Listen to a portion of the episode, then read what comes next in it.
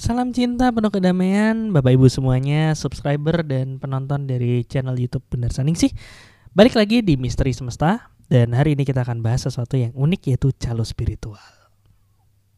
Semesta ini penuh dengan misteri. Banyak yang mencoba menguak misteri Namun tak bisa karena terbatas ruang dan waktu. Saya, Trasto Mahotama dan Bunda Arsaningsi akan menguak tabir itu dan akhirnya memahami misteri semesta. Acara ini dipersembahkan oleh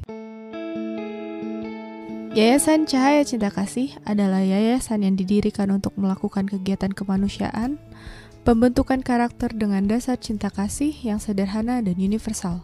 Dengan support dari donatur di seluruh Indonesia, melayani secara lahir dan batin, melalui bantuan sembako, obat-obatan, penyuluhan proses olah rasa.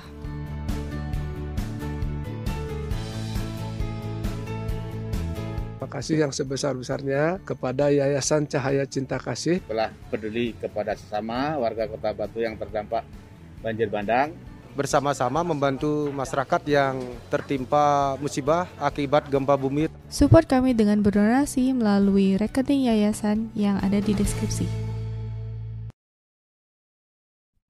Oke, ya Bapak Ibu, eh, kita hari ini lanjut di apa namanya misteri semesta dan kemarin udah sempat ke tunda. Tapi nggak usah khawatir, kemarin itu bisa dibilang teasernya ya kita ngomong apa putar ulang lika-liku spiritual. Mungkin ada yang belum nonton. Ada karena pembahasan kali ini adalah lanjutan dari situ sebenarnya. Kayak gimana sih sebenarnya proses yang unik nih yaitu calo spiritual. Tapi sebelum mulai, saya pengen ngucapin terima kasih kepada Bapak Ibu yang sudah berdonasi ke Yayasan Cahaya Cinta Kasih dan em, donasinya membuat kami bisa melakukan proses live stream seperti ini dan juga untuk eh, proyek-proyek kemanusiaan yang lain. Nah, kita ngomongin nih sa- salap apa sapa dulu nih Bunda Saning sini. Udah siap Bunda? Oh siap. Kenapa harus ditanya siap apa enggak? Karena saya cuma nanya, yang jawab kan Bunda. Ya ampun, Tiwas sudah menyiapkan diri. Apa pertanyaannya? Loh kan YouTube-nya YouTube Bunda Saning sih, bukan YouTube-nya Rasto Mahotama. Oke, Bisa aja. ya, ini kita ngomongin tentang calo spiritual. Hmm, Ya. Ini satu kata yang sebenarnya itu pikiran iseng doang ya, ada ngomongin calo spiritual dan ternyata begitu di Soulmeter kok harus dibahas gitu. Ya itu dah. Wak- saya jadi keingat ya minggu lalu ya. Waktu kita mau bahas apa ini ya. Kemudian kita sama-sama hening, sama-sama eh, mencari tiba-tiba Dokter Axton nawarin gimana kalau calo spiritual ya. Tapi saya juga kaget, hah? Calo spiritual? Saya bertanya seperti itu ya karena kalau calo tiket banyak.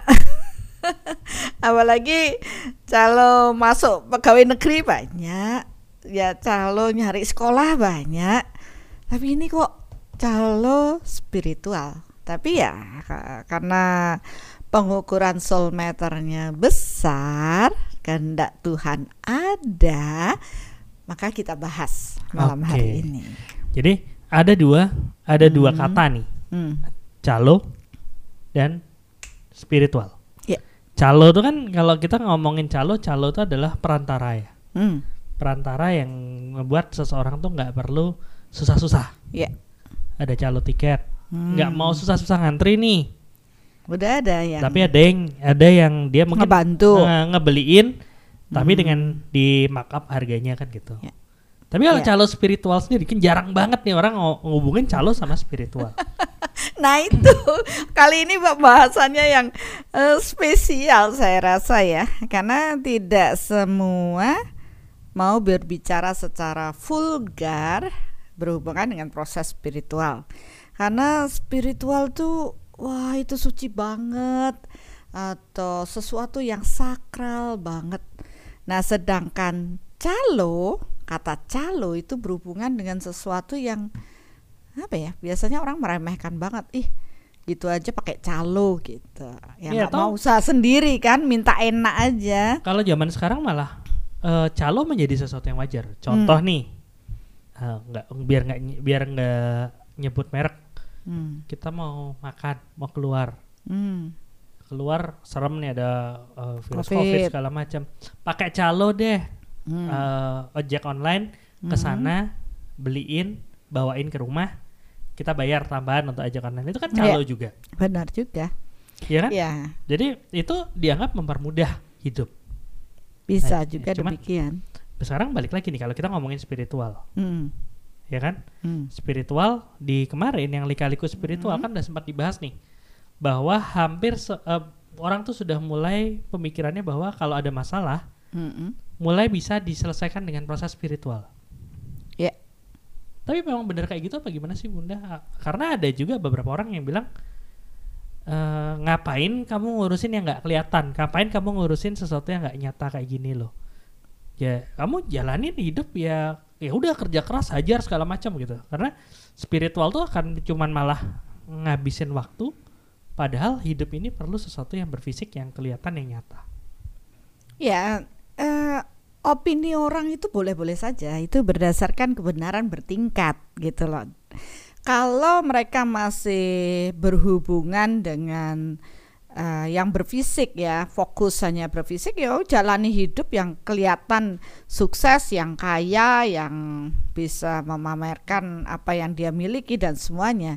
Tapi kalau kita mulai mencari ke arah kedamaian hidup ya ah, tentu nggak menjamin ya dari sisi materi berlimpah itu kita merasakan apa ya menikmati hidup dengan kedamaian atau kepuasan batiniah itu kan masih orang cari sampai saat ini.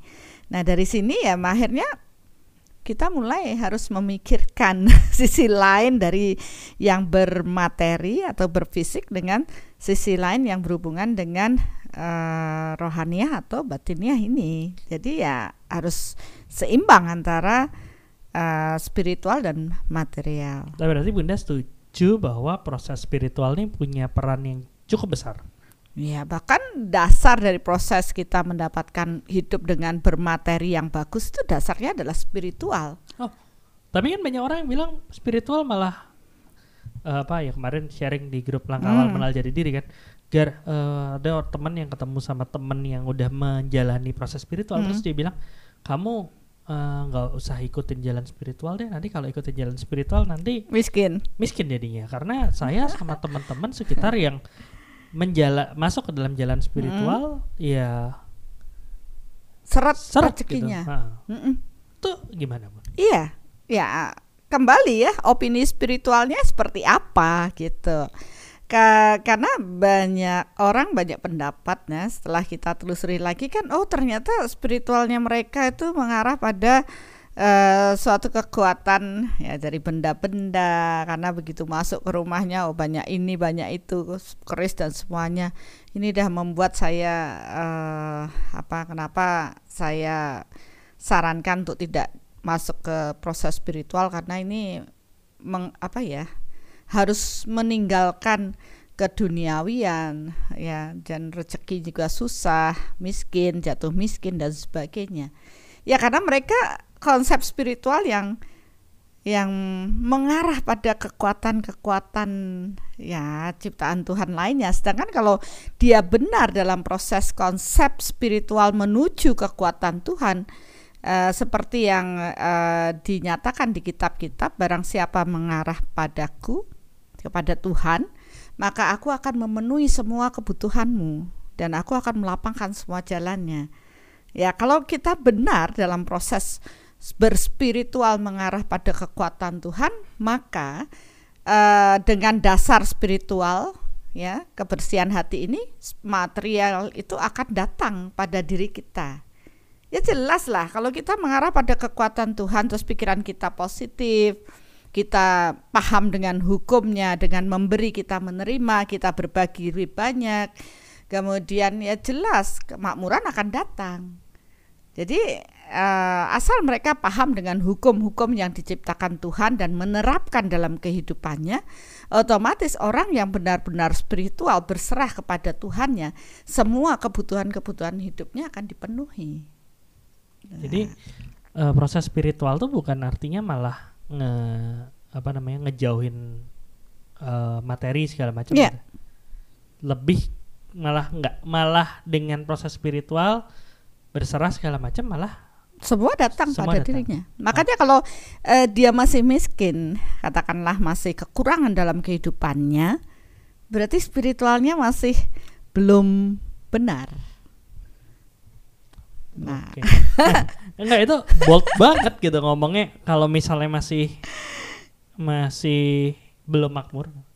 Mau ngomong miskin tapi nggak enak ya, tapi diomongin lagi miskin gitu kan. Nah, Bisa habis ya? tadi contohnya kan yang maksudnya yang cerita. Oh gitu. Ya, Jadi yang cerita kemarin sharingnya itu kan dia mengatakan di sisi itu saya kan hanya mengulang ceritanya Dokter Asto. ya, saya juga ngulang ceritanya teman Iya juga. ya. makanya. Jadi Iya. kan ini benar apa adanya. Jadi kalau misalnya memang masih Belum, struggle, itu ha-ha. berarti masih banyak hal yang harus diselesaikan. benar. Cuman kan gini, maksudnya eh, untuk dia mencapai suatu tingkat spiritual tertentu kan pasti ada harga yang harus dibayar kan. Nggak Benar. gratis kan. Makanya ada mahar.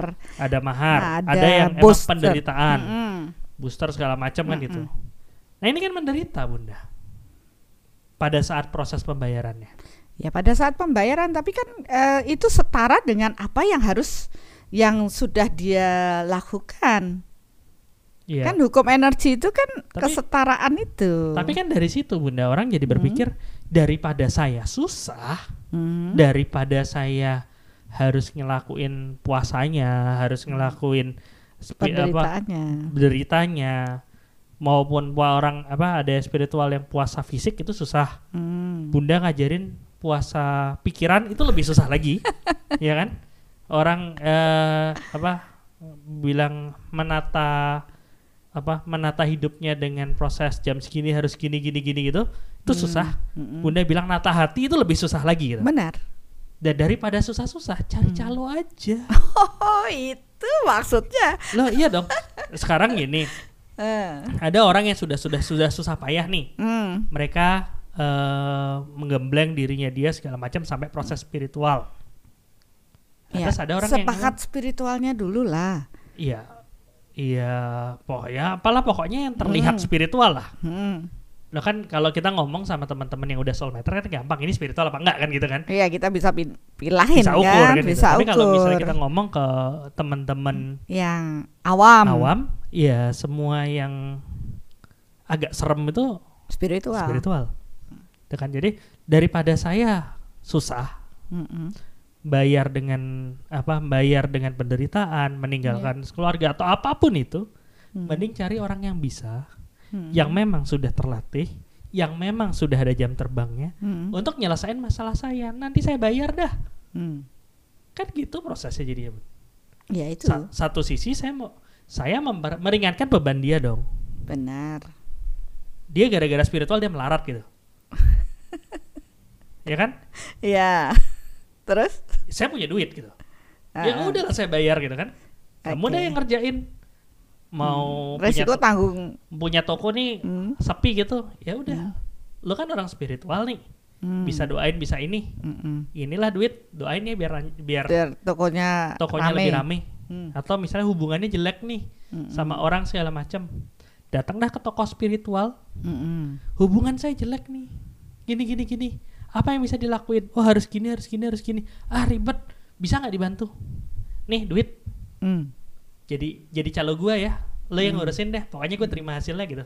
Kan Hmm. duitnya udah dibayar. Iya. itu gimana bang? Nah, itu dia. Tapi rasanya kayaknya Dokter Hasto nyindir saya nih. Kok kok eh, kok merasa tersindir gitu kok bi- kok, kok bi- eh?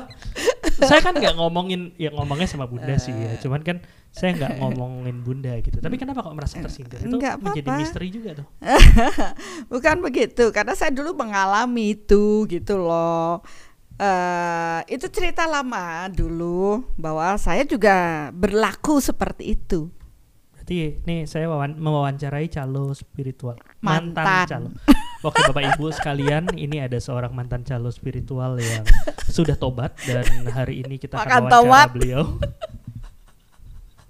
Oke, gimana Bunda? Kok saya jadi keringetan?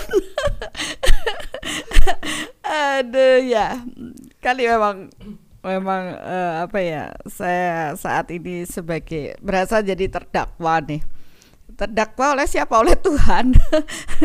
Tadinya saya masih belum begitu eh, fokus ke mana arahnya gitu. Tapi dengan diskusi ini kok akhirnya nah loh saya seakan-akan hanya di dimarahi sama Tuhan. Yes. Bukan maksudnya ya, bukan maksudnya ya. Iya benar ya, benar Tuhan ini em, saya sudah mengalami Bapak Ibu dengan proses tersebut. Em, dan saya menyadari akhirnya saya juga melakukan akhirnya membuat orang-orang yang dulu sempat saya caluin itu. Nah ini dah. Eh, karma nggak ke mana-mana karma ini harus diterima. Ya maafkan saya bapak ibu. Eh kalau dulu saya berpikir oh baik sekali itu suatu perbuatan baik mendoakan membantu orang lain yang kesusahan dengan mendoakan. Hmm, kemudian melakukan banyak hal. Tujuan saya hanya membantu mereka karena mereka belum mampu di sana. Apalagi proses berkomunikasi ya dengan eh, kekuatan-kekuatan atau ciptaan Tuhan lainnya menyeimbangkan menyelaraskan Selain gitu. jadi calo, jadi penerjemah juga. jadi penerjemah ya jadi eh ya itu saya lakukan di awal tanpa berpikir panjang ya istilahnya pada saat itu kesadaran saya pemahaman saya masih wah hebat nih bisa bantu orang saya harus banyak membantu orang em, meringankan beban orang lain berbagi buat sesama ya dan itu dulu saya seperti itu. Ya beberapa bahkan saya orang mengatakan saya sebagai pahlawan kesiangan gitu ya. Tidak memikirkan diri tapi lebih ke orang lain. Yang penting orang lain menjadi baik padahal saya akhirnya malah terpuruk ya terpuruk dengan kondisi tersebut. Nah di situlah saya melihat memang banyak orang akan merasa lebih nyaman seperti apa yang dikatakan oleh dokter Asto ngapain saya susah? Udah saya punya duit deke bayar aja deh. Tolong ya bantu doain saya. Tolong ya bantu sembuhkan saya. Tolong bantu jagain saya gitu. Em, kelihatannya bagus dan saya mengatakan oh ya saya akan bantu. Bahkan ketika mau dibayar atau diberikan ini pun saya mengatakan enggak enggak usah deh udah saya akan bantu. Dan itu yang akhirnya membuat eh, saya benar-benar terpuruk. Pada waktu itu saya belum paham dengan hukum tabur tuai lebih dalam. Karena saya melihat dari sisi berfisik saja bahwa itu sebagai suatu bentuk taburan bagi saya secara berfisik membantu banyak orang. Ya padahal saya menyentuh ranah energi yang tidak berfisik juga. Nah setelah mengalami kejatuhan dan akhirnya saya mulai tersadarkan bahwa lama-lama ada juga rasa tolong sembuhkan saya. Oke kita bantu. Besoknya lagi tolong ini ada ini dan terus saya lama-lama melihat loh orang ini kok tidak berubah ya? Enak aja terus em, apa meminta bantuan orang lain tapi dia tidak pernah berupaya. Padahal seharusnya kan dia mampu untuk itu kalau dia mau belajar gitu.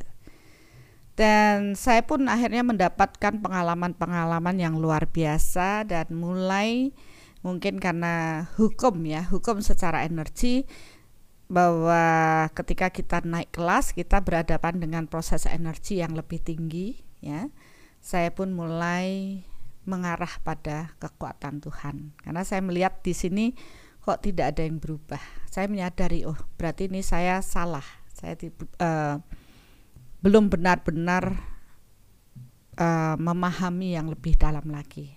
Dan mulai saat itu saya mengatakan, oke okay, saya stop melakukan semuanya. Saya akan mengoreksi diri saya karena saya terus terpuruk Ya, kemudian saya melihat ke dalam diri dan mulai saya mungkin cerita yang dulu sudah pernah saya uh, ceritakan. Saya mengalami stroke dan akhirnya di situ titik balik saya uh, melihat ke dalam diri dalam kondisi yang tidak berdaya dan hanya kekuatan Tuhanlah yang membantu menguatkan diri saya untuk menjadi sehat dan saya rasa itu suatu mujizat tapi saya akhirnya berserah lebih dalam dan saya mulai dituntun mengarah pada kekuatan Tuhan. Jadi yang dulu tuh baru saya mengerti, oh itu belum Tuhan. Walaupun banyak orang sudah mengatakan itu mengarah pada kekuatan Tuhan, tapi ternyata saya belum di sana. Ya walaupun saya sok jagoan mengatakan saya sebagai saluran Tuhan waktu itu. Tapi ternyata belum. Saya masih banyak kekotoran dan saya mulai menyadari saya membersihkan diri saya dan akhirnya sampai pada kesadaran ya. Ternyata dalam proses spiritual itu mengarah pada kekuatan Tuhan untuk proses kebersihan hati, untuk proses kehidupan kualitas hidup lebih baik, untuk proses menjadi lebih sehat, untuk proses hubungan lebih baik, untuk proses kemakmuran lebih baik, proses kenyamanan hidup, kedamaian itu nggak bisa dibantu orang lain. Nggak bisa dibantu orang lain. Ya. Jadi kalau dulu orang datang, tolong ya saya dibantu, didoain, dise disehatin, bantuin ya bersihin uh, apa tadi toko, ya feng shui-nya diatur dong. Ini, ya. Kemakmurannya sampai saya jualan kristal lah, kristal ini diisi kan, apa kantornya dan sebagainya.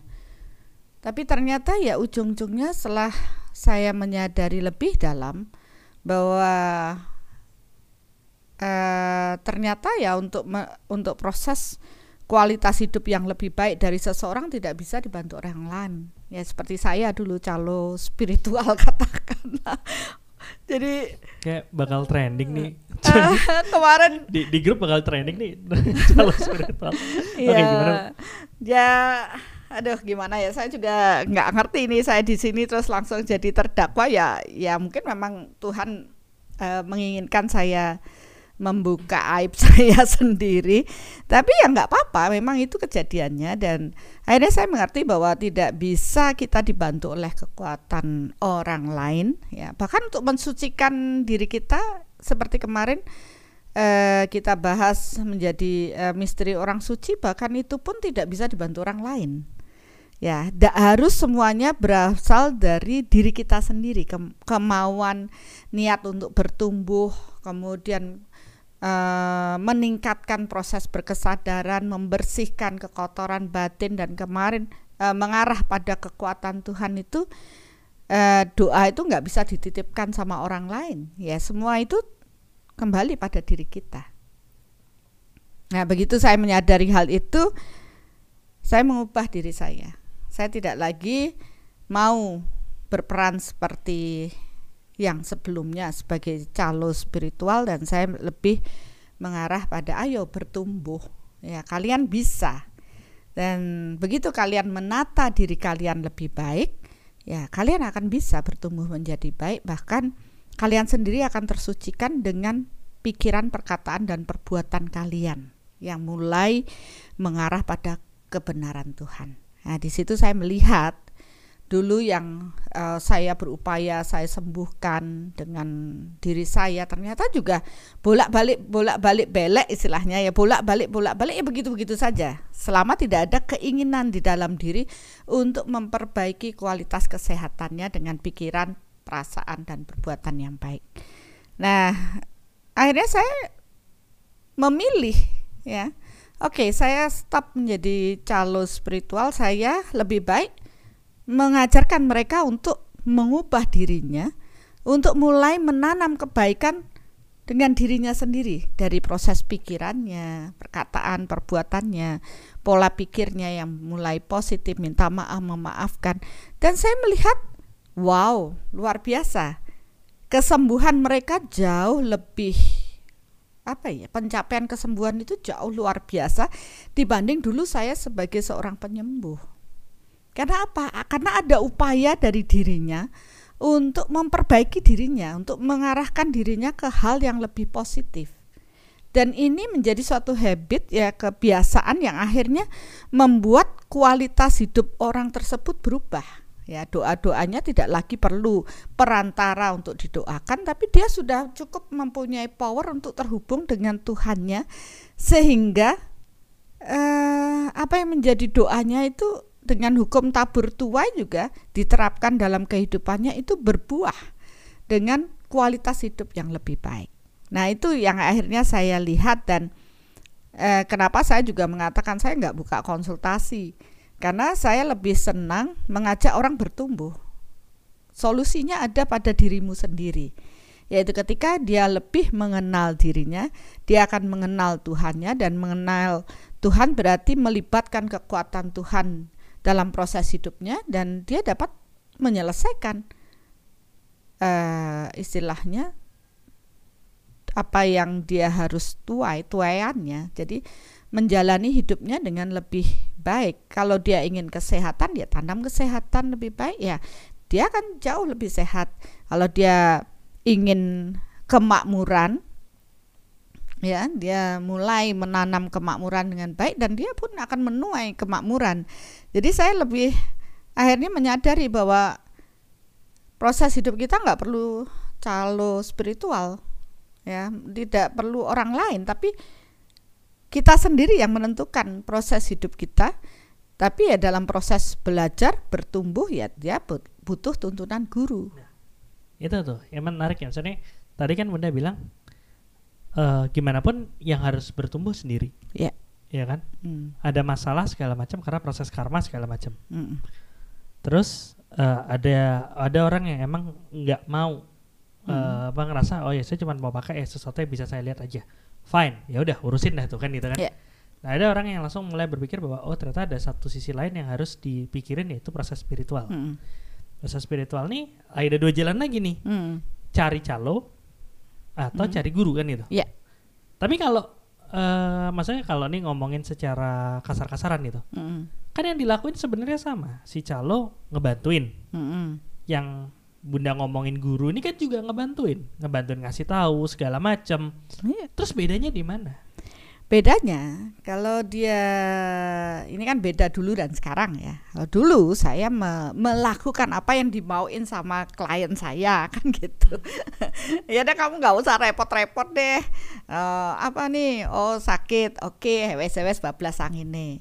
Terus oh nih feng shui saya nih begini begini. Oke, okay, saya ubah ini nih. Selesai kan?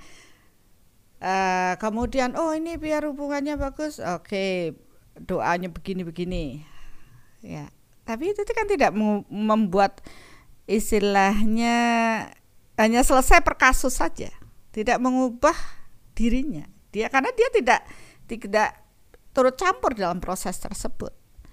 Ya tapi kalau sekarang saya di sini saya hanya ngasih tahu oke caranya begini begini. Lakukan sendiri Ya, ada berproses masalah gini koreksi batin sendiri. Toolsnya sudah dikasih, alatnya udah dikasih, soul matternya udah ada. Tinggal mengaplikasikan. Yang berjalan ya dia sendiri. Yang melepas melepas kulit bawang atau kegelapannya dia sendiri. Jadi saya tidak tidak uh, turut campur dalam proses itu. Ya, dengan dengan proses dia memperbaiki dirinya sendiri, otomatis proses spiritualnya dia jalan. Kalau dulu saya sebagai calon spiritual kan saya aja yang bertumbuh, sedangkan yang saya bantuin ya stuck begitu-begitu saja, nggak ada yang berubah. Kalau sekarang saya melihat pertumbuhan semua, wow, saya bilang gini, luar biasa saya gitu. Karena saya melihat di jiwa-jiwa mereka itu apa ya? Apa ya yang tidak terlihat oleh kasat mata kita bertumbuhnya luar biasa dan itu apa ya mem- membuat saya takjub. Apa ya eh, sangat bersyukur. Karena akhirnya mereka mereka nggak perlu saya lagi untuk diomelin atau ngebantuin mereka sudah bisa berjalan sendiri. Dan itu yang saya bilang saya nggak mau ngasih ikan tapi saya kasih kail. Kail ini dipakai untuk mancing seumur hidup pembelajaran soulmeter itu sebagai dasar untuk seumur hidup menata diri. Ya dan itu yang akhirnya oh iya maunya Tuhan itu. Kita itu ya bertanggung jawab atas diri kita sendiri. Karena masalah hidup kita ya kita sendiri yang menciptakan. Engkau yang mengawali engkau yang mengakhiri. Kamu yang berbuat ya kamu yang harus menyelesaikan. Kalau terus menyelesaikan eh, perbuatan atau hutang kita orang lain suruh nyelesain ya orang lain yang beres. Diri kita nggak beres-beres. Jadi ya kenapa dalam proses spiritual itu harus dialami sendiri dirasakan sendiri dibuktikan sendiri ya. Baru kita benar-benar apa ya merasakan betapa bersyukurnya kita terlahir sebagai manusia dapat mengenali jati diri kita sendiri sehingga kita pun akan bersyukur betapa Tuhan sangat mencintai kita. Dan itu merupakan suatu uh, sekarang saya bisa merasakan ya saya sangat bersyukur dengan proses ini. Saya mau meniatkan memutuskan tali percaloan dulu walaupun itu dihujat banyak orang ya sekarang walaupun saya tidak siapa-siapa kalau dulu kan hebat tuh wah orang sakti dan sekarang udah nggak tidak terdengar karena saya juga tidak uh, di situ lagi ya saya lebih lebih senang dengan kondisi sekarang melihat mereka bertumbuh jiwa-jiwa antusias untuk menyadari dirinya dan dan itu sangat luar biasa. Nah, kalau tadi pengalaman Bunda berapa tahun Bunda sebagai calo? berapa lama Bun? Lama? Ya, uh, saya dari ya sebenarnya saya membantu itu dari dari saya mulai SMA ya. SMA ya katakanlah umur 17 kemudian saya ke sini dari tahun 2000 lebih detail lagi ya 2000 sampai 2012 itu jadi orang sakti. Bukan orang suci ya? Bukan orang suci orang sakti. Orang. dan 2012 memutuskan untuk melepas semuanya termasuk vegetarian dan semuanya. Dan saya jalani hidup saya sebagai manusia biasa. Dan saya menyadari bahwa ya dulu saya pikir itu baik untuk banyak orang tapi ternyata saya tidak membuat mereka terbebaskan malah membuat mereka lebih terikat. Karena saya melihat banyak yang terikat dengan calo-calonya ya.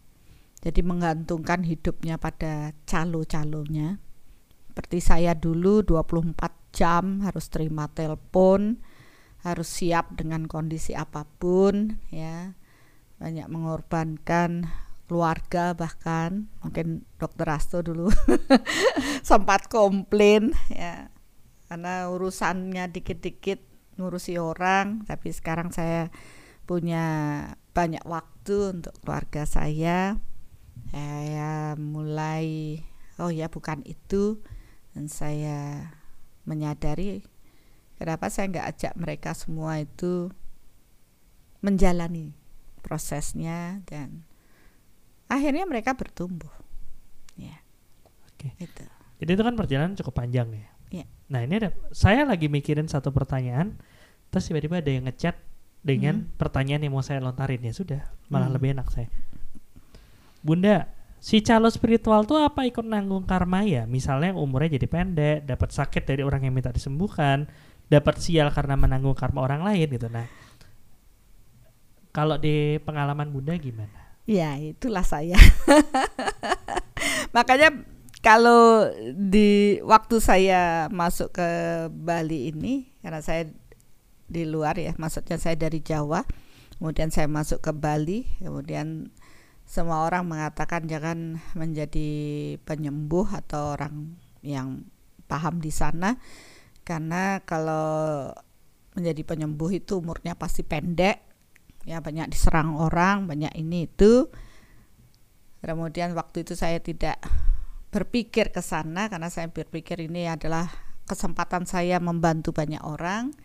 Ya tapi akhirnya hidup saya terpuruk sakit-sakitan ya. Kemudian ya sisi materi juga ya karena saya terlalu banyak bermain di sana dan saya menarik apa ya istilahnya menggesek ATM kemakmuran saya banyak. Karena saya uh, akhirnya saya tahu uh, saya juga terlibat dengan banyak karma orang ya.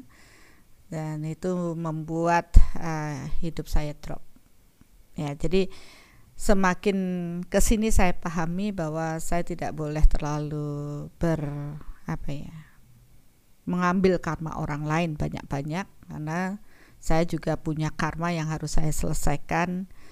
Tapi saya mulai mengajarkan mereka bertanggung jawab atas karma masing-masing, menangani bagaimana permasalahan yang harus mereka hadapi karena saya sudah pernah mengalami dan banyak katakanlah orang-orang yang uh, dulu bermasalah dengan itu tapi juga tidak berubah ya karena mereka tidak terlibat dengan proses karmanya. Ya calonnya itu ya yang nanggung semuanya.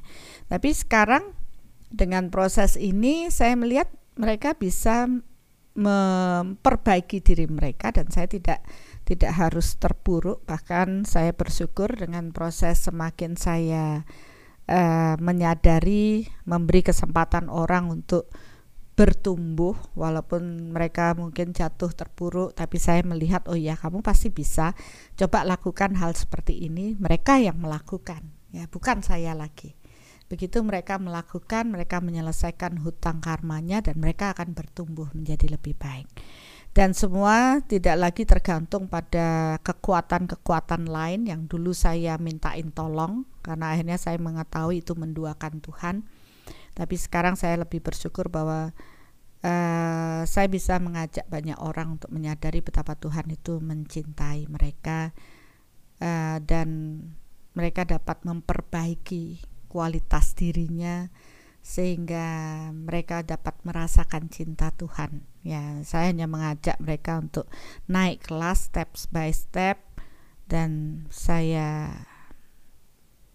merasa haru melihat mereka menjadi lebih baik. Ya dari dulu saya melihat pasien-pasien saya selalu bermasalah dan datang dengan masalah dengan datang masalah gitu tidak selesai-selesai tapi dengan proses salah saya membiarkan mereka bertumbuh menjalani walaupun mungkin mereka mengatakan ah, mungkin lebih enak deh bunda bantuin saya tapi saya menyadari itu karma yang harus dia terima kalau saya turun untuk seperti dulu mengambil mengambil mereka toh akhirnya juga akan datang karmanya juga harus terpuruk kembali. Jadi sekarang dengan pemahaman yang saya dengan soul matter ini mereka mengerti apa yang harus dia lakukan.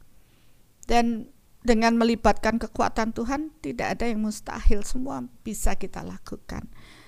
Dan itu yang luar biasa melihat bertumbuhnya banyak orang. Saya juga bersyukur ya walaupun saya harus mengalami hal buruk dalam hidup saya banyak kejadian buruk dihujat di sana sini difitnah banyak hal tapi saya tidak pernah uh, malu karena saya menyadari ya apa pun itu saya mengarah pada kekuatan Tuhan walaupun mereka dulu mengatakan saya gila dan sebagainya tapi sekarang saya bisa mengajak lebih banyak orang untuk menyadari bahwa mereka harus bertanggung jawab atas dirinya karena tidak bisa proses itu dicalokkan pada kekuatan-kekuatan yang lainnya. Begitu kita mengarah pada kekuatan Tuhan untuk dapat menjalani hidup dengan kualitas yang lebih baik, maka itu memang harus dijalani sendiri, tapi ingat kita tidak sendiri. Bersama Tuhan kita pasti bisa. Banyak orang ingin menjadi lebih baik sebenarnya. Kenapa mereka bingung? Karena mereka tidak tahu harus bagaimana. Tapi begitu saya memberikan soul meter ini, mereka jadi mengerti sendiri. Mereka bisa mengukur sendiri, mereka bisa tahu apa yang harus mereka lakukan. Mereka melakukan sendiri. Itu menjadi bagi saya suatu yang tidak bisa saya katakan saya rasa syukur saya melihat mereka bertumbuh dan ya saya melihat mereka semangat untuk menjalani karena mereka tahu ini tidak bisa diwakilkan oleh orang lain bahkan proses doa pun tidak bisa diwakilkan oleh orang lain sering saya melihat ketika ada upacara atau doa apa kita sudah menyuruh orang lain melakukan padahal kita yang harusnya mempunyai peran untuk menyelesaikan hutang-hutang kita. Karena hal itu tidak bisa diwakilkan orang lain. Iya kadang-kadang kesannya malah ya udahlah tinggal cuman nyiapin tempat untuk uh, orang yang disucikan nih untuk di situ bantuin ya kita cuma nyiapin tempat doang gitu. Ya itu dah keprihatinannya kan di sana. Tapi ya ternyata ya uh, itu sebagai suatu tradisi saja. Sedangkan penyelesaian akhir ya tetap di tangan kita yang menciptakan yang membentuk karma dan dia pula yang harus menyelesaikan. Walaupun mereka-mereka ini ya memang menjalankan tugas eh, masing-masing uh, ya sebenarnya yeah. istilah calo ini bukan ngomongin mereka yang jalan ya tapi sebagai orang-orang yang cuman ngerasa ngeliat mereka sebagai penyedia jasa yang udah tinggal bayar selesai gitu aja hmm. yang ternyata nggak bisa kayak gitu kalau dilakukan seperti itu ya nggak nggak selesai nggak selesai yang selesai ya yang yang me, apa ya menjalani ya, ya dia ya. menjalankan tugasnya dengan baik mm -hmm. tapi ya. yang yang cuma nonton ini ya dia jadi penonton aja. aja Iya, makanya kan sangat disayangkan suatu upacara yang besar tapi yang punya upacara tidak terlibat secara secara ya menyelesaikan ritual apa pun ya hmm. mau ritual mau spiritual hmm. apa pun itu ya ya udah ya konsep daripada proses spiritual itu ya eh, harus di, harus merasakan, mengalami, melakukan, mengamati dan baru meyakini. Ya, seperti makan cabai itu kalau kita hanya oh iya cabai warnanya merah. Selama kita tidak pernah nyeplos cabai, kita nggak pernah tahu rasanya cabai itu pedas gitu. Ya pedas juga dibilang rasanya kayak kebakar kayak apa tuh? Ya nggak bisa ketemu. ketemu. Tapi begitu kita makan mengunyah itu aja baru kita tahu oh pedas tuh gini. Lah nerangin pedas itu aja susah. Kalau kita tidak mengalami, sama aja proses kita dengan Tuhan. Kalau kita tidak mengalami rasa itu, kita nggak tahu gitu. Sama aja orang mengatakan minta maaf. Kalau kita tidak benar-benar minta maaf secara batin ya nggak ada apa ya, rasa yang benar-benar menyentuh gitu loh. Jadi hanya sekedar kata-kata. Ya sama juga kayak oh, kemarin teman ada beberapa teman yang bilang sebelumnya saya rasa sudah bahagia gitu, tapi hmm. ternyata begitu di workshop dia mulai sadar bahwa ternyata iya, itu belum bahagia belum gitu bahagia. karena dia nggak selama ini nggak tahu bahagia itu yang kayak gimana. Benar. Nah kan sekarang kan bersyukur dengan uh, metode metode soul matter measurement technique of radiation ini segala sesuatu secara energi bisa terukur. Ya asal tahu ya istilahnya uh, tidak hanya secara subjektif ya, tapi itu benar-benar objektif. Ini ada satu bukan bukan pertanyaan sih, hmm. cuman lucu aja. Gak tahu muncul nggak ya? Say no to calo spiritual, say no to konsultan spiritual, tapi say yes to guru spiritual.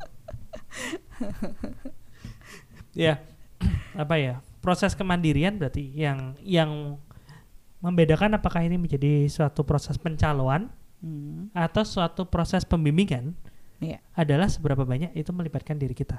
Iya, benar. Cuman kalau Bunda bilang semua harus diselesaikan sendiri, pada saat orang lagi terpuruk gitu, pada saat orang lagi belum bertumbuh, kan perlu waktu untuk mencapai proses pertumbuhan itu Bunda.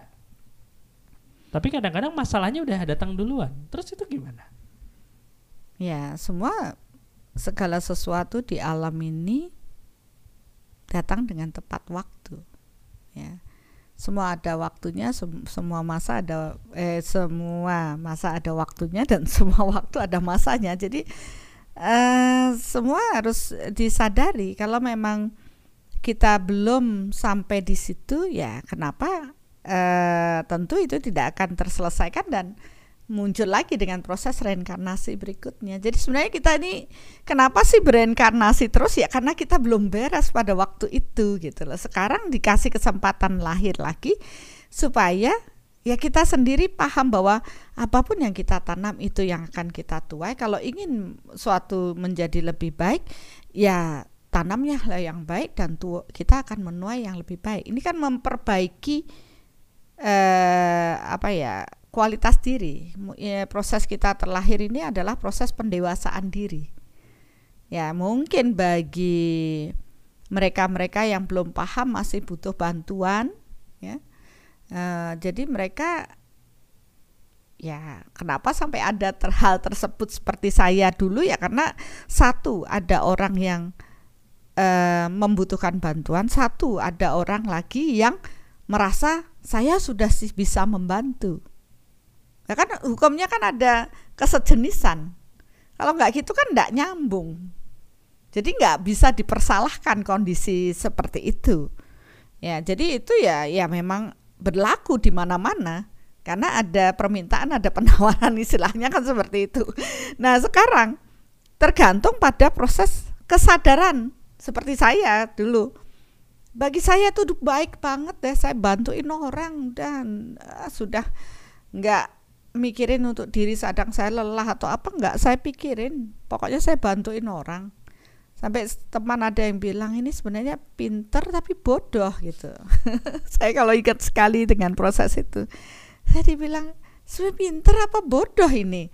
Karena seakan-akan kita menjadi ya namanya calon spiritual kan tergantung pada maunya apa ya istilahnya orang-orang yang kita nggak bisa menentukan harus begini ya mengikuti saja. Tapi kan itu kelihatannya bodoh padahal sebenarnya kita yang bisa uh, mengaturnya nah itu itu juga saya mengalami dulu tapi sekarang ya begitu kesadaran kita meningkat yang tadinya benar di mata kita ya kebenarannya bertingkat akhirnya ya oh ternyata masih di situ ya tapi kita nggak bisa nyalahin dong karena memang eh, kebenaran di alam ini selalu bertingkat. Proses spiritual itu proses naik kelas. Jadi ya, ya masih di situ ya. Sekarang saya maklum, ya sudah. Tapi kan kembali kesadaran yang di sini harus diwadahi mereka-mereka yang tidak puas dengan ini, yang mau naik kelas juga harus diwadahi.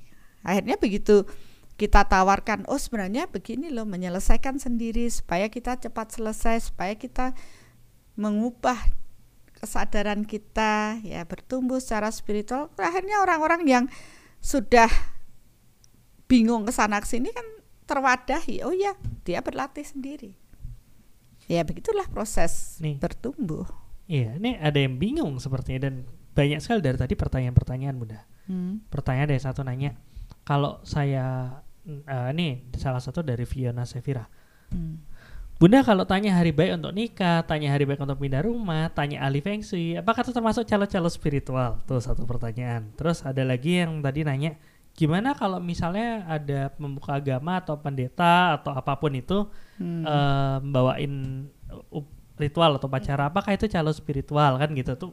Sepertinya masih bingung nih. Kalau tadi kan kita ngomong proses calon spiritual itu adalah proses uh, yang kitanya yang nggak mau bertumbuh hmm. ngasihin ke orang lain. Tapi kalau menurut Bunda gimana? Mungkin bisa jelasin dikit. kan enak saya yang bikin istilahnya, tapi yang jelasin Bunda. Lo kan yang nawarin Charles spiritual Dokter Astu. Sekarang Dokter Astu kembali dong. Saya kan sudah menceritakan tuh semuanya. Ya udah. Ya, teman-teman yang di studio ya enggak ya. ya uh, ya kayak tadi dibilang kan ya, apa namanya prosesnya ya lebih ke ketidakmauan untuk bertumbuh dengan pikiran cukup eh, nyari orang yang bisa Bantuan orang lain. bantuan orang lain Hmm. dengan barter Mm-mm. dan dari gitu kita nggak usah susah Iya. itu eh bu- itu bukan calonya ya maksudnya dia mencari calo akhirnya Ya, dia mencari calo. ya kalau misalnya seorang pemuka agama yang memang tugasnya memimpin satu ritual atau apa ya itu tugasnya mereka Tugasnya mereka. tapi kalau tergantung kitanya nih sebagai kliennya memposisikan diri sebagai Nyerahin aja. nyerahin aja Atau nganggap ikut- dia calo Nah, atau ya. atau kita terlibat. kita terlibat dengan menganggap ini sebagai eh, apa ya pembimbing gitu ya Iya. yang emang memberitahu ini harus gini harus gini harus gini tapi yang Hmm. lakuin kita Iya. kita terlibat di dalamnya itu berarti bukan Iya. proses pencaloan Bukan. tapi kalau udah ini bayar terima beres Selesai. selesai pada saat di dalam itu pun tidak apa tidak terlibat dia yang Hmm. rasa udahlah itu yang proses pencaloan Benar. Ya, jadi ya semua pokoknya gini. Proses calo itu kalau dia nyerahkan sepenuhnya pada orang lain. Sedangkan ketika dia terlibat juga ikut melibatkan diri dalam proses itu, ya dia kan menentukan untuk dirinya. Ya, karena ya banyak tradisi ya berbeda-beda. Tapi kan intinya satu nih. Intinya kan bagaimana mengubah untuk kualitas hidup menjadi lebih baik. Ya, bagaimana mengubah untuk kualitas hidup menjadi lebih baik. Dari yang sakit-sakitan menjadi sehat. Ya, biasanya ini cari penyembuh wah sana sini. Tergantung penyembuhnya deh saya duduk diam manis.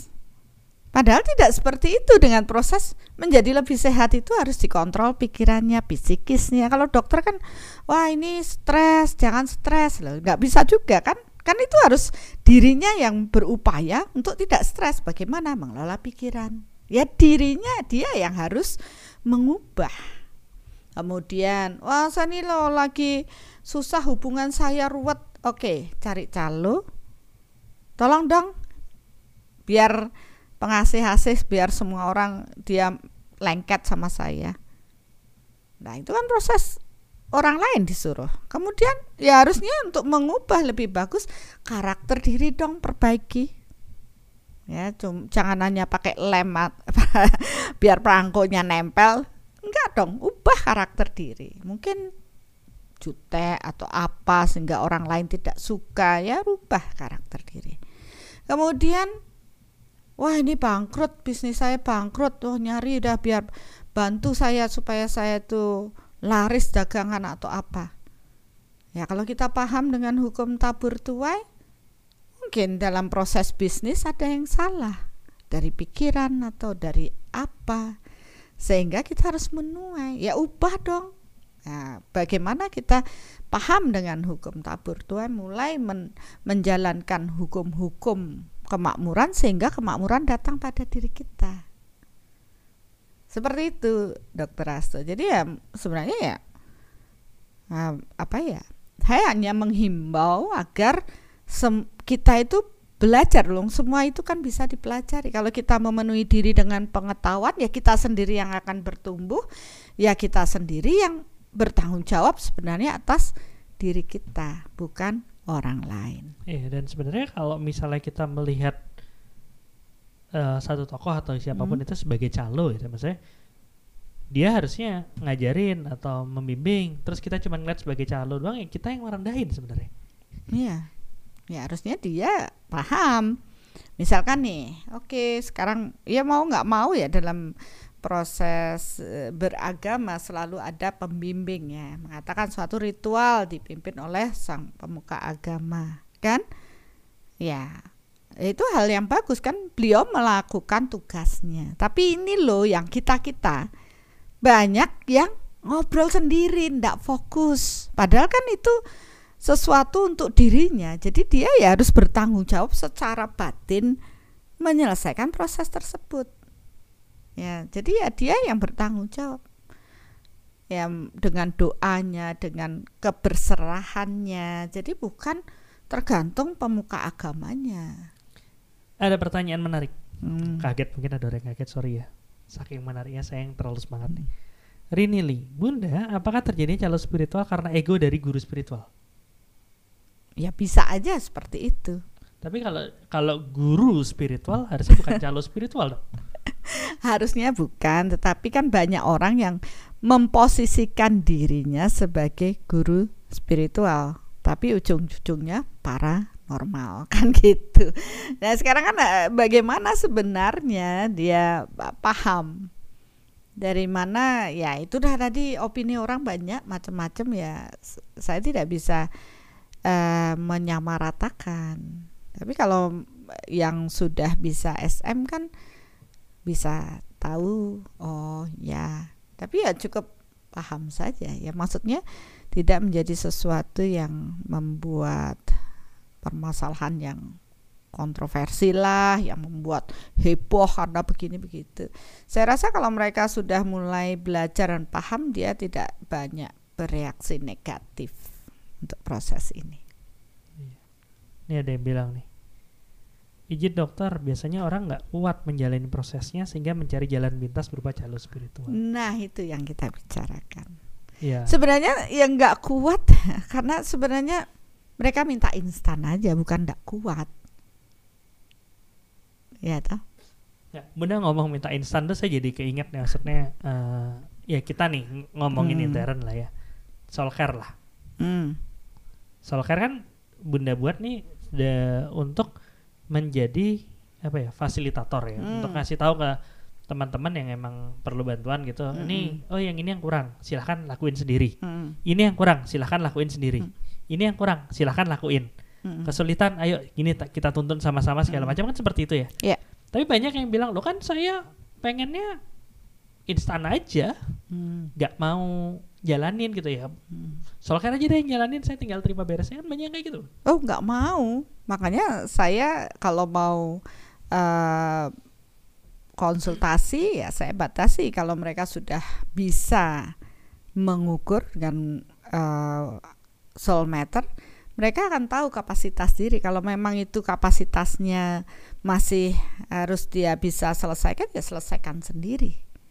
Kecuali kondisi-kondisi tertentu yang memang eh, perlu ya perlu. Ini kan beda ya mereka paham mereka lakukan apa ya tahapannya dulu sampai mentok ya baru kita bisa melakukan membantu dalam proses itu itu pun tidak bukan karena kita ya karena dia yang melakukannya Makanya bener sih jadinya proses eh, yang konsultasi ke tim segala macam ya memang harus ikut, harus paham dulu dasarnya. ya seperti- dasarnya secara energi paham karena saya sudah mengalami orang-orang itu datang ke saya hanya mau instan mau saya yang melakukan ya maaf saya tidak di sana jadi saya mengajarkan ayo jalani dulu upayakan dulu karena itu karmamu bukan karma saya saya kan hanya ngasih tahu Iya. aja harus dijalani sendiri ubah sendiri masalah eh, gimana gimana itu urusan sendiri Deh, memang ya.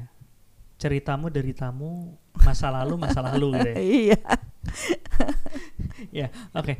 Tapi kan eh, enaknya nih maksudnya Eh. sering kali dalam proses pencaloan percaloan seperti ini eh, terjadi juga proses percaloan satu karena ada supply ada demand kan gitu. Mm-mm. Dan orang yang demand ini mereka nggak ada pilihan dalam artian apa pun yang diomongin sama calonya Mm-mm. ya dia nggak ada pilihan karena dia nggak punya pemahaman.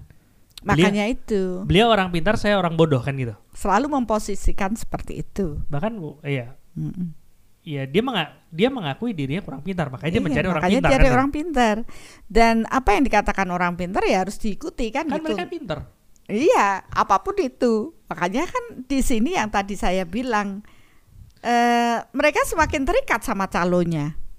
Saya semakin diikat sama sama klien saya karena dikit-dikit telepon, tolong dilakukan ini ini nih.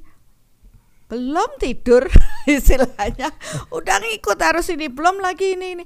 Lah kan akhirnya terjadi proses pengikatan itu secara energi. Dan saya pun terjebak di situ jadinya. Nah, Untung udah sekarang- udah bebas kan dari jebakannya. udah sih membebaskan diri akhirnya eh, kan ya itu kan itu nggak ada kayak nggak ada pilihan kan itu. Hmm. Tapi kan Bunda selalu bilang apa pun itu harus di cross check, Hmm. ya kan? Kalau nggak di kalau nggak bisa di cross check ya susah gitu. Kayak udah ya apa ya? Udah ya udah gitu. Hmm. Udah final tanpa ada Nilai mati sama- gitu ya. Nilai mati gitu. Mm-mm. Padahal ya kalau kita tahu suatu kebenaran ya kebenaran itu ya bisa dipahami oleh yang lainnya kan gitu, bukan nilai mati dari seorang saja. Walaupun mungkin disebutkannya beda-beda ya. Hmm. Kayak matahari gitu. Ya emang kebenaran matahari seperti itu. Mau di apa di Indonesia dibilang matahari, di daerah ini dibilang surya, di daerah situ dibilang sun, di situ apa tapi kan ya itu kebenaran menjadi satu hal yang emang udah bisa diterima oleh semuanya kan seperti itu ya. Ini ada sharing temen nih, sa- salah seorang temen yang dia bilang gitu juga dulunya dia merasa bahwa semua hal tuh nggak bisa di cross check tinggal di harus ditelan mentah-mentah gitu aja. Mm-mm. Tapi sekarang sudah lebih tenang karena sudah bisa melakukan proses cross check. Mm. Kita tonton dulu sebentar ya. Oke. Saya Sylvia Galikano, saya tinggal di Bekasi. Tertariknya gini, kalau YouTube tuh YouTube Bunda saya sudah ikuti dari tahun 2020. Kemudian memutuskan untuk mendaftar ke workshop Soulmeter pada saat eh, ada tayangan Bunda yang eh, Bunda mengatakan bahwa kalau kita bisa mengukur Soulmeter, kita bisa tahu bahwa sejarah yang selama ini diceritakan banyak yang dibelokkan. Berhubung saya saya suka dengan sejarah, saya bukan sejarawan tapi saya suka sejarah jadi saya ingin tahu apaan sih itu gitu.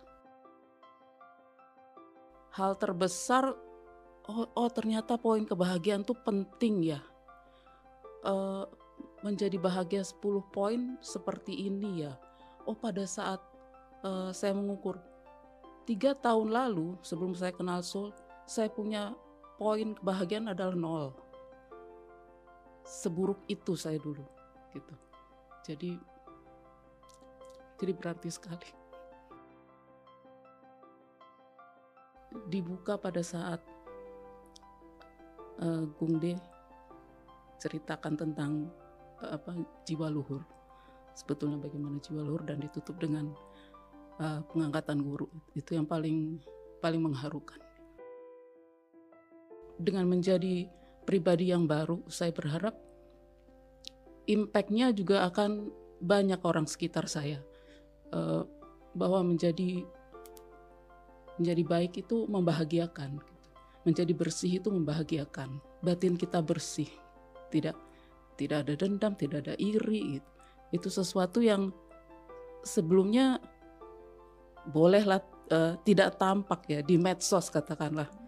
Tapi oh tahu loh kamu eh, menyimpan eh, menyimpan iri gitu. Eh, di sini kita benar-benar bersihnya tuh seperti apa itu bisa terukur. Iya kalau saya mengajak untuk mengikuti workshop Soulmeter mungkin eh, menghadapi antriannya masih panjang ya. Ikuti saja dulu eh, tayangan YouTube Bunda. Kita punya eh, wawasan yang menjadi lebih luas. Dari situ oh ada pemahaman baru yang bisa kita terima. Tidak hanya percaya doktrin yang selama ini kita terima. Cerita dari orang tua cerita dari guru semua harus harus bisa tercross check terukur gitu bisa membuka diri terhadap eh, pengetahuan.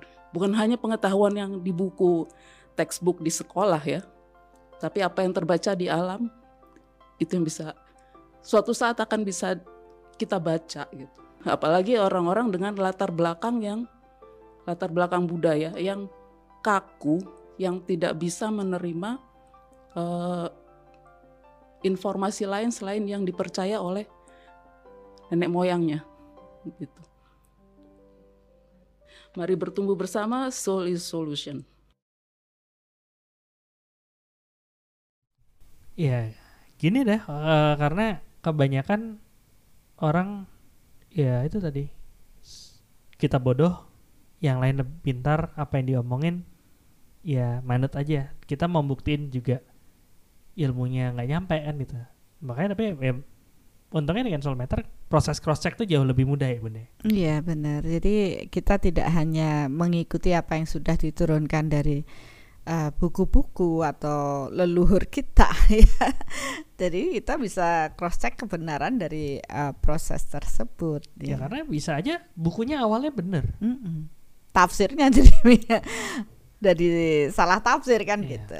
ya orang saya baca buku buku bahasa Inggris sama terjemahan bahasa Indonesia aja kadang-kadang bingung gitu Hmm. kadang-kadang lebih ngerti ya buku bahasa Inggris ya daripada buku bahasa Indonesia ya gitu Iya. karena proses dalam proses penerjemahan itu pun kadang-kadang ada bagian-bagian yang mungkin pemilihannya atau gimana atau tidak ada tepat. ada kata-kata yang nggak bisa di apa ya nggak bisa diterjemahin gitu Hmm. kayak apa yang bunda ngomong kemarin Ya apa? pating apa yang semua pada bingung itu apa Oh, apa itu bunda kami tenggengen. nah itu kalau kami tenggengen itu kalau di saya dikasih itu waduh apa Iya itu sulit di, di apa dijelaskan ya. Nah, Ya itu salah satunya. Jadi kalau di eh, tafsir ke bahasa Inggris jadi mungkin orang jadi bingung ya. Oke. Eh, oke balik lagi ke bahasa eh, bahasan ya Hmm, tadi kan ngomongin tentang calonya nih ya sekarang kalau Ya. kita ngomongin calonnya adalah orang yang memang secara langsung bilang apa pun masalahmu hubungi saya bayar sekian Selesai. atau lakuin ini biar saya yang tangani Hmm. terima beres dah gitu kan Ya. nah biasanya calo-calo kayak gini ini kan punya apa ya eh, asisten Hmm. Ca- calo junior nah ini kenapa saya nanya kayak gitu karena nih ada yang nanya nih dari Vali Hardi Hmm. Bunda apakah muridnya calo spiritual yang ikut membantu dalam hal ritual itu juga dapetin karmanya tadi kan Bunda bilang kalau si yang ngomong kayak gitu stop segala macam ini kan dia udah ngambil karma dong Hmm. harusnya harusnya si pasi- si klien ini yang menjalani karmanya Mm-mm. tapi dengan ada calo itu ya udah lo terima beres gua ambil gitu kan Mm. terus kan pada saat ngambil nih minta bantuan kan misalnya Hmm. tadi Valih bilang nyembelih ayam atau apalah atau mm, nyiapin ritual ya atau segala macam kan itu Iya. dia ikut kesa ikut me- apa ya Ikut dalam ikut karma menanggung kelompok. karmanya nggak Iya. sih gitu pertanyaannya seperti Iya, itu. karena dia berada dalam satu karma kelompok. Ya. Dan begitu dia juga an- eh, mengambil andil tersebut juga dia akan mendapat buah karmanya. Sudah pasti karena hukum di alam ini kan hukum tabur tuai. Ya, jadi mau nggak mau, sadar tidak sadar, semua orang ya, semua makhluk ciptaan Tuhan akan kena imbas dari hukum yang diciptakan Tuhan. Ya, sering kita hanya berpikir eh, tabur tua itu hanya untuk kebaikan atau apa, padahal ya semua meliputi empat aspek dalam kehidupan kita. Nah, kalau tidak benar dengan hukum ini, ya tentu kualitas hidup kita masih acak-adut ya amburadul ya. Jadi pahami hukumnya, eh, berjalanlah sesuai dengan hukum Tuhan, maka kita tentu kita akan mendapatkan kenikmatan hidup ya.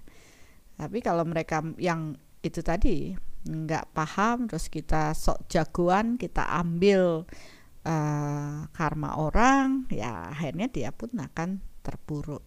kadang-kadang ya itu kalau ngomongin di proses, di proses Hmm. eh, percaloan yang sah ya kadang-kadang ada yang enggak maksudnya kayak oh saya orang yang udah ngerti nih. Eh, misalnya udah udah belajar misteri doa Mm. oh ada proses kita bisa ngebantu ngubah suatu kondisi dengan doa kita kan segala macam dia tuh ngeliat nih ada orang nih dia lagi sakit udah deh saya membantu dia Mm. doain sepenuh hati supaya sehat segala macam dia tuh gimana Ya, dia me- menanam untuk dirinya sendiri. tapi ngambil karma Ya. juga nggak Ya, kalau umpamanya eh, kita sudah tahu dan mengubah karma, ya kita juga mengambil juga karmanya. Misalkan nih, ada orang yang, wah ini karmanya sudah mau meninggal nih, gitu ya. Kemudian ada orang yang memang bisa membantu. Wah ini saya perpanjang umurnya, saya carikan ini biar ada kekuatan ini begini. Ya tambah panjang orang itu tidak jadi meninggal. Tapi bagaimana dengan karma yang dia buat? Ya tentu itu kembali pada orang yang yang mengupayakan tadi. Serem juga ya. Makanya kalau kita sudah paham itu, akhirnya saya menyadari ya, saya dulu mendapat hal buruk itu ya karena saya banyak mengambil karma banyak orang. Ya sekarang karena saya tahu hal itu, saya bilang enggak deh, silahkan jalani. Saya- Tapi dengan cara ini ini kamu akan lebih eh, apa ya mudah menjalani karma karena kamu melibatkan kekuatan Tuhan. Ya semua akhirnya bisa dijalani dengan baik tanpa kita ikut campur tangan atas apa yang seharusnya orang lain dapatkan. Jadi ya karma udah terpeta dengan sangat baik. Ya. Ya kalau bingung gimana cara proses penyelesaian karmanya ya mungkin bisa. Bu- Anda bunda ada video ya apa namanya kelas penyelesaian karma ya. Mungkin bisa di soul.co.id garis miring karma satu. Ya nanti di bawah ada linknya kalau misalnya ada teman-teman yang mau yang penasaran. Mendingan selesain sendiri gitu. Karena kadang-kadang ngurusin orang, ngurusin karma orang padahal PR kita sendiri belum, belum selesai. selesai. Oh, ini ada ada pertanyaan nih eh, berhubungan dengan itu. Nah, memang itu yang mau saya tanyain nih. Apa itu? Yang mana nih Bunda? Richard Oh tak kirain Bunda mau ngomongin gado-gado dalam bahasa Inggris Bukan ya Richard doang. Malam Bunda. Maaf Bun. Apakah kalau udah bisa soul meter nih gitu kan? Hmm, Malah jadi tergantung. Dikit-dikit nanya Jadinya nggak pede. Ah. Iya, mereka yang nanya ini kan karena belum tahu soulmeter itu apa, ya. Tapi sebenarnya kalau kita ma- sudah paham dengan konsep kehidupan ini, hukum tabur tuai, ya, konsep karma, malah mereka memang dikit-dikit harus menggunakan soulmeter untuk menentukan pilihan yang bijaksana, untuk tahu kebenaran suatu peristiwa sehingga dia tidak melakukan kesalahan dalam pengambilan tindakan. Ya, waktu saya tadi jadi calo spiritual itu saya belum tahu soulmeter dengan detail ya. Saya masih ah, masih intuisi saya, masih ada ego saya ya. Jadi masih melibatkan keinginan saya, ego saya bukan eh, mengetahui kebenaran Tuhan. Tapi begitu saya paham eh, menyempurnakan proses pengukuran soulmeter ini saya akhirnya tahu cara menetralkan diri supaya tidak ego kita tidak terlibat akhirnya saya tahu bahwa dengan soulmeter itu memudahkan jalan saya untuk mengetahui apa yang harus saya lakukan ya bukan tidak pede. Ini kan bukan tanya ke orang tanya ke orang pinter atau apa. Soulmeter itu ya kita tahu dengan energi apa sih yang benar ke mana saya harus um, apa yang harus saya lakukan. Menurut saya itu menjadi suatu akhirnya menjadi suatu lifestyle ya bahwa sebelum saya melakukan sesuatu saya uh, cross check dulu istilahnya mengetahui apa sih kebenaran Tuhan atas diri saya. Sehingga ketika saya mengambil suatu keputusan hal baik yang saya dapat. Ya saya menanam baik saya menuai yang baik. Kalau saya tahu uh, proses akan ada hal buruk di belakang sana ya saya waspada. Oke saya tidak mengambil keputusan tersebut. Nah ini saya melihat bahwa dengan proses soul matter ini akan mengarahkan manusia-manusia uh, ini mengetahui kebenaran Tuhan yang sesungguhnya. Masalah dia mau mengikuti soul matternya atau tidak itu pilihan mereka.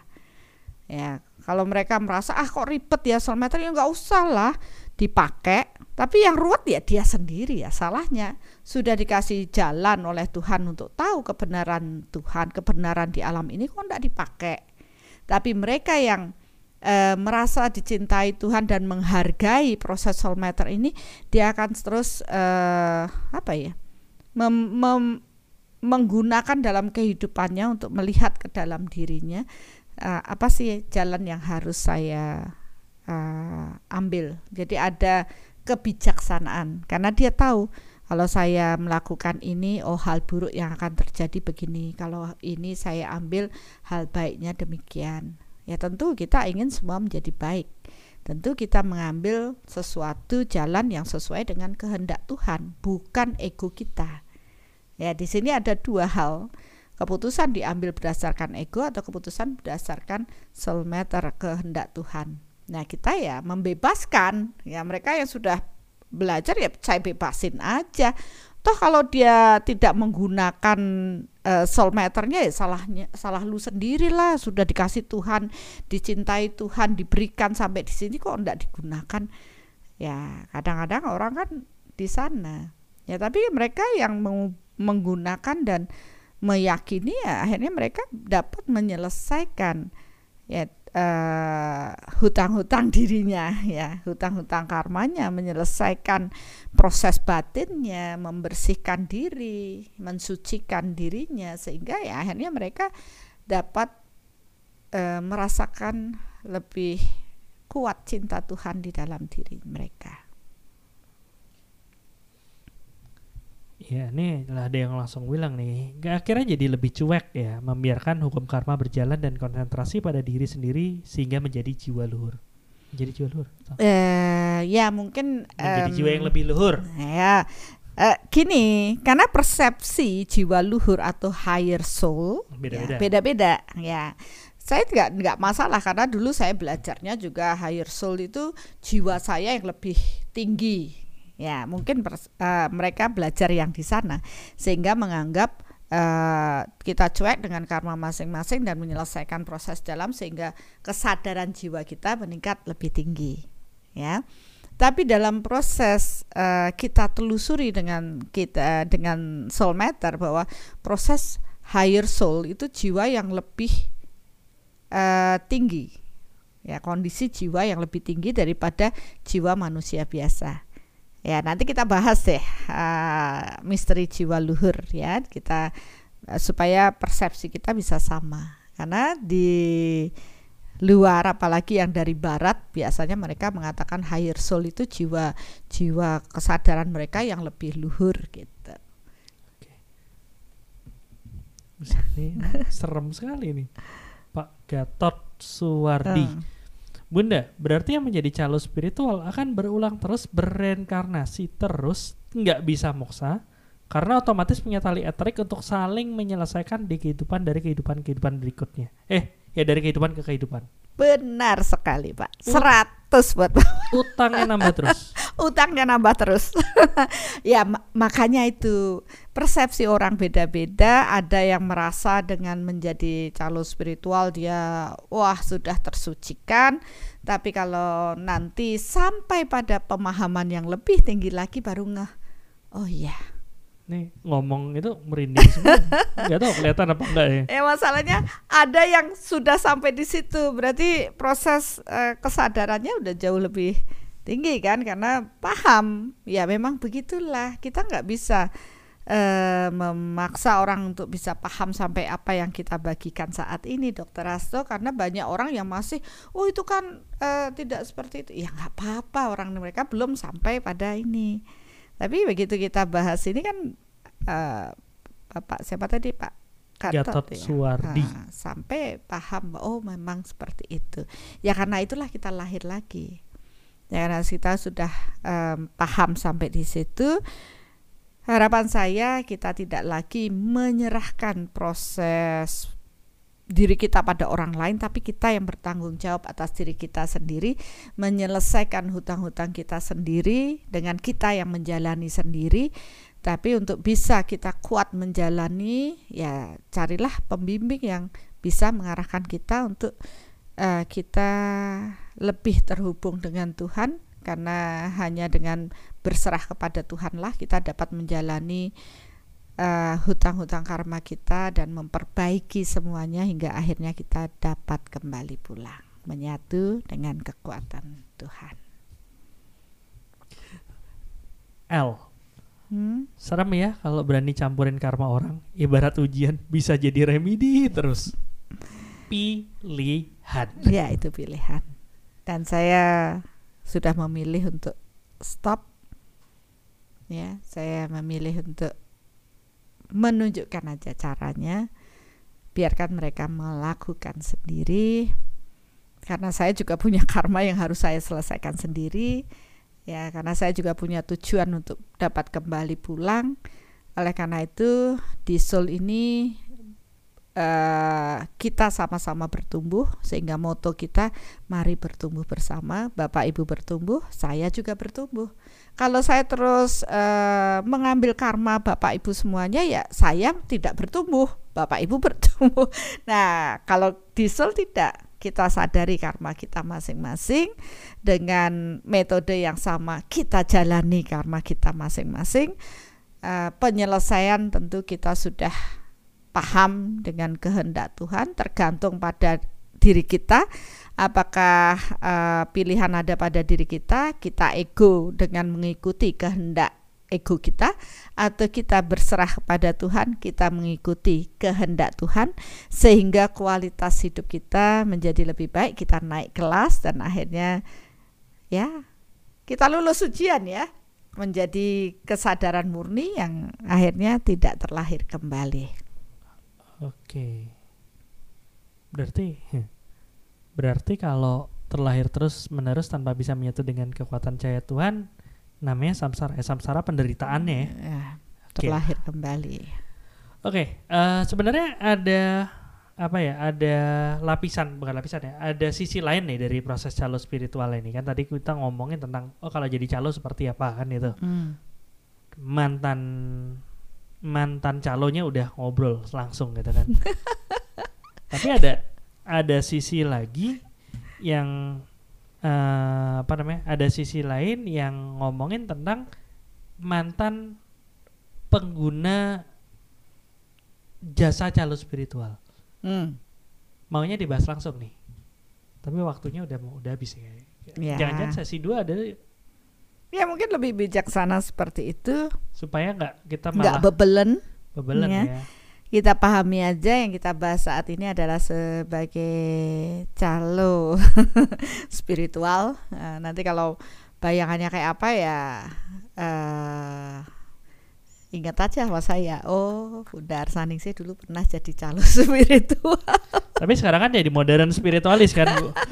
apa mau tulisnya sih tuh uh, apa Bunda Arsaningsih modern mantan. spiritualis mantan calon spiritual gitu enggak ya ya apa pun saya saya lebih baik tidak pakai gelar apa-apa ya jadi orang biasa-biasa saja itu lebih ini ada satu juga saya. materi apa pertanyaan yang menarik tapi kayaknya nggak sekarang ya dijawab hmm? mungkin bisa di screenshot kali ya Bunda gimana kita bisa terhubung dengan spirit guide kita untuk menghindari calon spiritual? Apakah higher self sama dengan spirit guide? Nah itu Ya, eh, rasanya kita perlu menyamakan persepsi dulu. Nanti kita akan bahas kali ya, eh, apa namanya ngomongin spirit guide ya. Ya, spirit guide apa higher self. Jadi kita akan. Eh, Kok PR jadi banyak ya bun? Iya loh, ya nggak apa-apa kan memang tugas kita me mengedukasi kan ya itu tugas kita mungkin kita memang dikasih kerjaan sama Tuhan untuk membuat banyak jiwa menjadi lebih baik oke satu pertanyaan terakhir uh, tadi ada yang nanya sih aku lupa muda terlalu oh ini dia mm -hmm. ngomongin soal meter Apakah meter tuh bisa tanpa ada yang nuntun bunda? Jadi kita hidup berpikir positif, hati positif, lama-lama meter tuh terbuka sendiri. Berarti meter tuh kayak kepekaan batin gitu. Mungkin nggak? Enggak sih. Enggak. Enggak. Kalau saya ya dari proses meter apa uh, tanpa ada yang nuntun ya kita bingung karena proses uh, meter itu tuntunannya dari Tuhan ya. Kita tetap butuh Tuhan untuk menuntun diri kita Nah, sedangkan kalau kita mengandalkan diri kita sendiri, seberapa sih kita mampu mengenali kekuatan Tuhan ya. Jadi sering kali ego kita akan e, muncul. Nah, proses soul matter itu kan membuat e, kita dalam kondisi netral, tidak tidak apa ya, tidak terkontaminasi oleh ego kita. Ya, jadi banyak orang ya seperti saya dulu nggak, oke okay, saya tahu ini, tahu itu, bah, bahkan uh, awalnya ya awal soulmate kan dari tahu ini tahu itu tapi tidak tidak terkontrol. Karena apa? Kadang-kadang sering meleset karena baru me, me, mengandalkan intuisi ya walaupun banyak kejadian yang uh, terjadi tapi ya banyak orang juga mengatakan saya gila dan sebagainya. Sekarang saya bertanya ya bagaimana supaya apa yang saya tuh bisa uh, mengetahui kebenaran itu ya mutlak karena kebenaran Tuhan. Jadi tidak melibatkan ego saya. Ya di situ ujiannya. Nah dengan uh, metode soulmeter ini kan sudah dibuat sedemikian rupa sehingga kuncinya sebenarnya adalah proses berserah kepada Tuhan. Ditambahin pertanyaannya. Hmm. maksudnya nggak ada manusia yang menuntun bun? Kalau nuntun ke Tuhan eh kalau Tuhan menuntun itu pasti tapi nggak hmm. kalau misalnya tanpa penuntun berwujud manusia itu bisa nah itu dah. Karena uh, tanpa penuntun berwujud ya um, banyak yang mengatakan saya mau dituntun sama jiwa sejati saya, tapi kita sendiri belum tahu kepastian ya. Jadi itu tadi pertanyaan itu sama dengan higher self tadi atau spiritual guide tadi. Ya, padahal sebenarnya ya proses um, tuntunan Tuhan itu melalui dari manusia, ya, dari manusia kemudian ya ke manusia gitu. Kalau dari yang uh, tidak nampak bukan manusia ini sering kali ya standar uh, kesadarannya belum setinggi manusia gitu. Jadi manusia yang mampu menjadi saluran sabda Tuhan atau tuntunan Tuhan itu kan harus apa ya mempunyai power yang cukup tinggi dan mempunyai kualitas jiwa yang berbeda sehingga mampu sebagai uh, proses mengalirnya energi. Ya memang mungkin nanti kalau Pak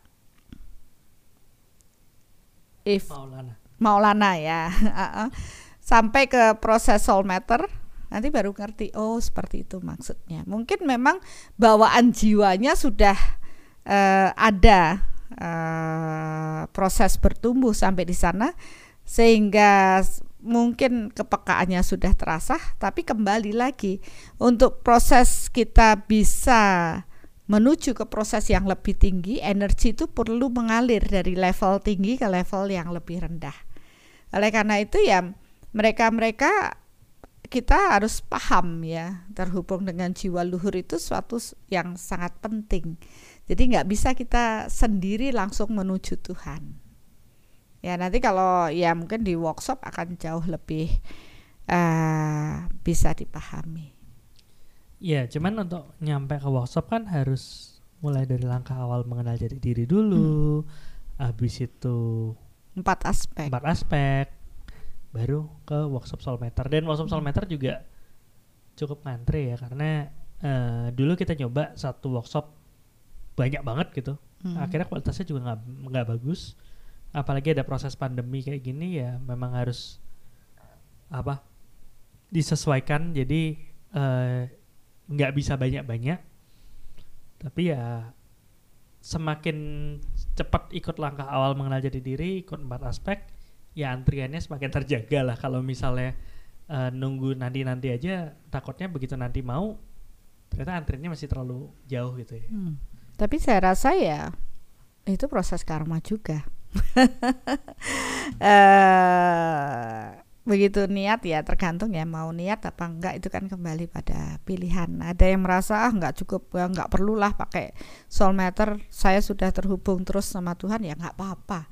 Itu kembali pada pribadi masing-masing.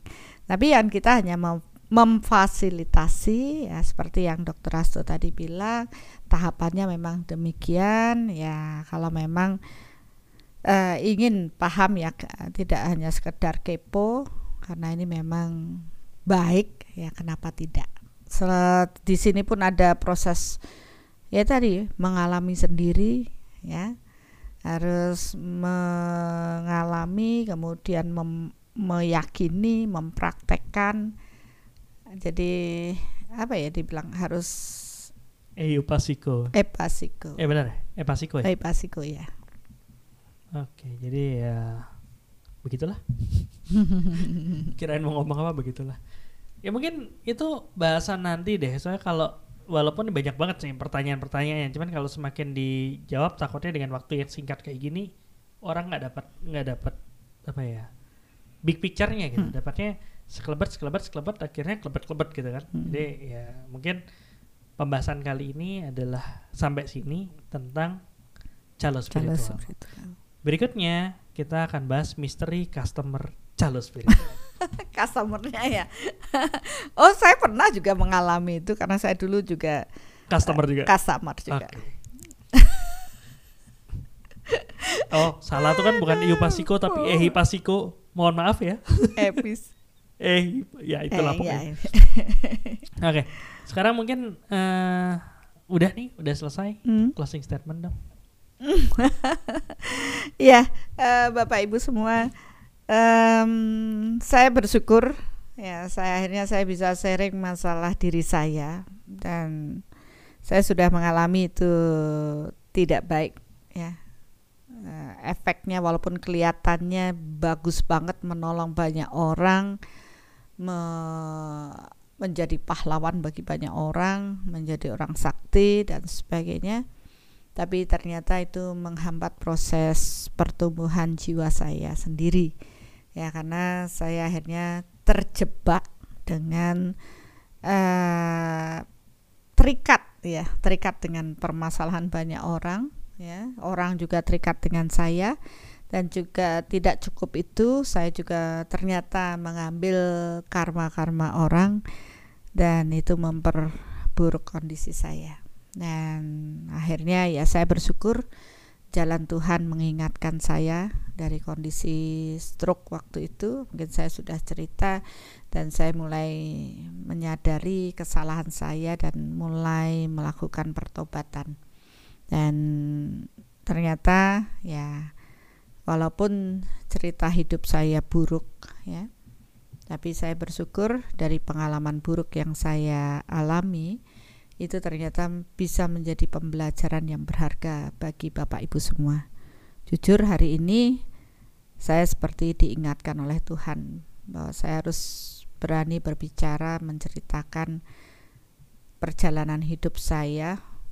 Saya pikir tadi pelajaran untuk calo spiritual kita bahas yang lain tapi ternyata Tuhan menghendaki apa yang saya alami ini sebagai contoh pelajaran yang ya mungkin bagi orang banyak sekarang dianggap sebagai pahlawan karena telah melakukan banyak kebaikan tapi itu membuat uh, mereka akhirnya terjebak dan terikat ya. Tidak benar-benar menjadi jiwa-jiwa yang bebas yang menyadari dan menyelesaikan karmanya masing-masing dan ini pelajaran yang cukup mahal waktu yang panjang ter terbuang begitu saja. Walaupun kelihatannya banyak membuat hal baik tapi banyak juga menumpuk karma buruk yang harus diselesaikan ya. Harapan saya ke depan uh, mungkin Bapak Ibu tidak lagi mengandalkan beliau-beliau yang menyiapkan diri sebagai calon spiritual karena kita tahu itu akan memberati memberatkan beliau. Karena mungkin beliau juga tujuannya baik membantu banyak orang seperti saya dulu. Lebih baik mari kita belajar. Mari kita sadari bagaimana menyelesaikan problem diri kita. Karena itu karma kita. Nggak bisa dong kita serahkan pada orang lain walaupun kita sudah membayar mahal toh karma kita yang itu belum selesai ya. Dan harus kita selesaikan lagi. Pasti kita akan bertemu lagi. Dan itu akan terus seperti lingkaran setan yang tidak selesai selama kita tidak memutus uh, karma tersebut dengan menyadari dan mengalami serta menyelesaikan sendiri. Oleh karena itu pahami proses ini setiap ada hal buruk yang datang pada diri kita terima dengan ikhlas dan hadapi dengan berserah kepada Tuhan dan yakinlah bersama Tuhan kita pasti bisa menyelesaikan dengan damai. Semakin kita mengenal diri, maka semakin kita mengenal Tuhan dan kita akan sangat bersyukur terlahir kali ini karena dan akhirnya kita akan bertikat apa pun yang terjadi saya akan menerima semua takdir saya karma saya dengan damai. Nah itu baru saya melihat proses pertumbuhan jiwa kita mengarah pada kebenaran Tuhan dan hasilnya sangat indah ya. Karena kita akan dipenuhi dengan cinta Tuhan. Uh, kita jiwa kita akan bercahaya lebih terang. Karena kita bertanggung jawab atas apa yang kita tanam, maka kita pun harus siap untuk menuai apa pun dan kalau kita sudah paham hal itu tentu kita akan menanam lebih banyak hal baik agar kita juga menuai kebaikan dalam hidup kita. Oke. Terima kasih dan sekian. Ya jangan. Enggak nih. Tadi apa nggak bisa nahan ketawa. Kenapa? Ada yang ada yang ngirim kayak gini nih. Hmm. Next, serangan para calo spiritual. itu sudah biasa karena ya sudahlah kita ikhlaskan. Dan ya yang kita sharing ya pembahasan aja gitu. Hmm. Mau setuju nggak setuju Ya. tetap dikembalikan kepada pro- proses masing-masing. Oke, mungkin bisa dibantu eh, Deva. Terus bertumbuh menuju utuh dijalani mereka yang butuh. Dihalangi tembok yang belum runtuh tapi bingung karena tembok tak tersentuh. Jujur, aku perlu bantuan agar ada yang bantu sampai tujuan. Tapi kalau bisa nggak perlu kotor-kotoran, biar tinggal suruh berasa tuan. Bertemu guru yang bisa ditiru, maunya buruh yang bisa disuruh. Percaya susah nggak ada gunanya, gunakan segala cara agar tak ada susah. Untuk apa susah bertumbuh? Kalau ada yang bantu saat butuh. Hemat waktu, tak lelah tubuh, cukup beri sejumlah upah lelah.